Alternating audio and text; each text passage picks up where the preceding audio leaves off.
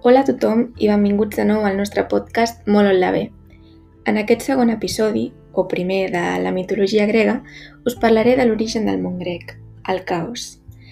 No és fàcil començar pròpiament pel principi.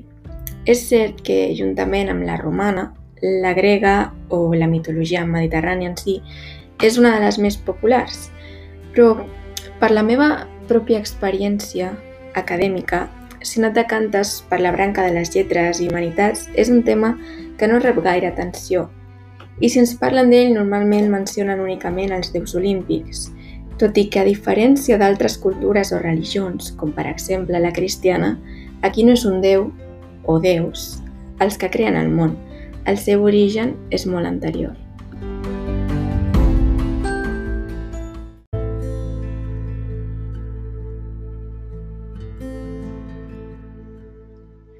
Principi, només hi havia el cosmos i el caos. El cosmos és el que en la nostra llengua seria l'univers. Si llegim llibres antics, eh, textos especialitzats, per exemple, la teogonia, que vol dir l'origen dels déus, d'Asioda, eh, es refereix al caos com el primer déu elemental antic però personalment prefereixo imaginar-m'ho o referir-me a ell com una mena d'abisme en el cosmos capaç de generar substància del no-res.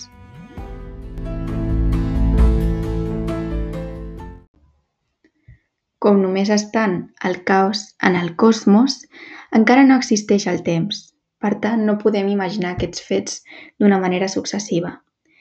Però en algun moment del caos van brotar, com si sempre haguessin format part d'ell però d'alguna manera els expulsés, diferents creacions.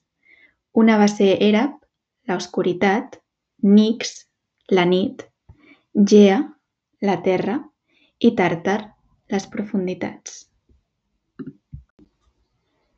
Erap i Nix, o el que és el mateix, l'oscuritat i la nit, van procrear de seguida, i de la seva unió van sorgir Èmera, el dia, i Èter, la llum, que podríem considerar oposats als seus pares.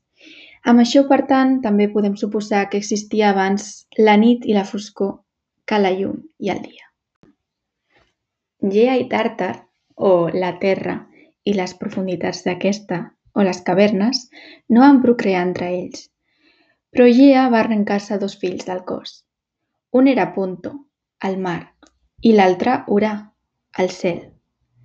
Urà va cobrir a la seva mare, Gea, tant com el cel i la terra, com el coneixem, com per la procreació, i van tenir molts fills.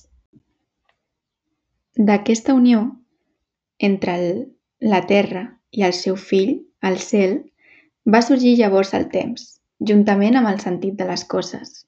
És un moment essencial, per tant, ja que comença el drama característic de la mitologia.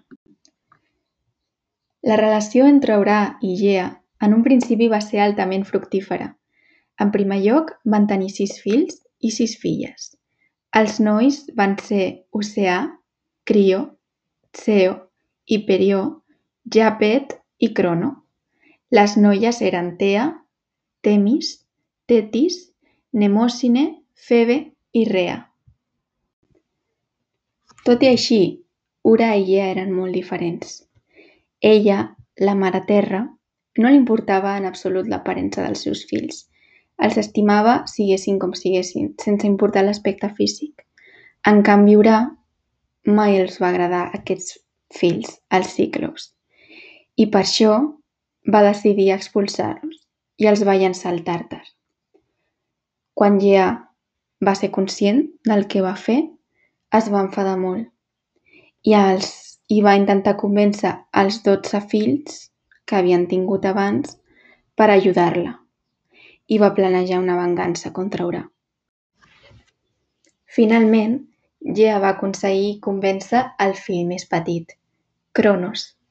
Ell va accedir a ajudar-la i a canvi Gea li va entregar una fals per tal de tallar els genitals d'Urà i així derrocar-lo. Cronos va dur la seva tasca satisfactòriament i va tallar els genitals del seu pare, llançant-los al mar.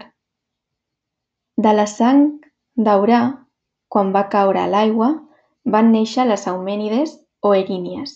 Eren tres, Electa, Tisífone i Meguera. Aquestes eren unes divinitats violentes i tenien les seves pròpies regles. Amb la derrota d'Aurà, Cronos es va convertir en l'heroi i en el salvador de la seva família. Va ascendir al poder i es va casar amb la seva germana, Rea. Van tenir també diversos fills. La història potser es repetirà, tot i que d'una manera una mica diferent. En el pròxim episodi us parlaré una mica més de Cronos i de quina serà la seva descendència. Espero que us hagi agradat aquest primer episodi de la mitologia grega. Gràcies per escoltar-nos i fins a la setmana pròxima.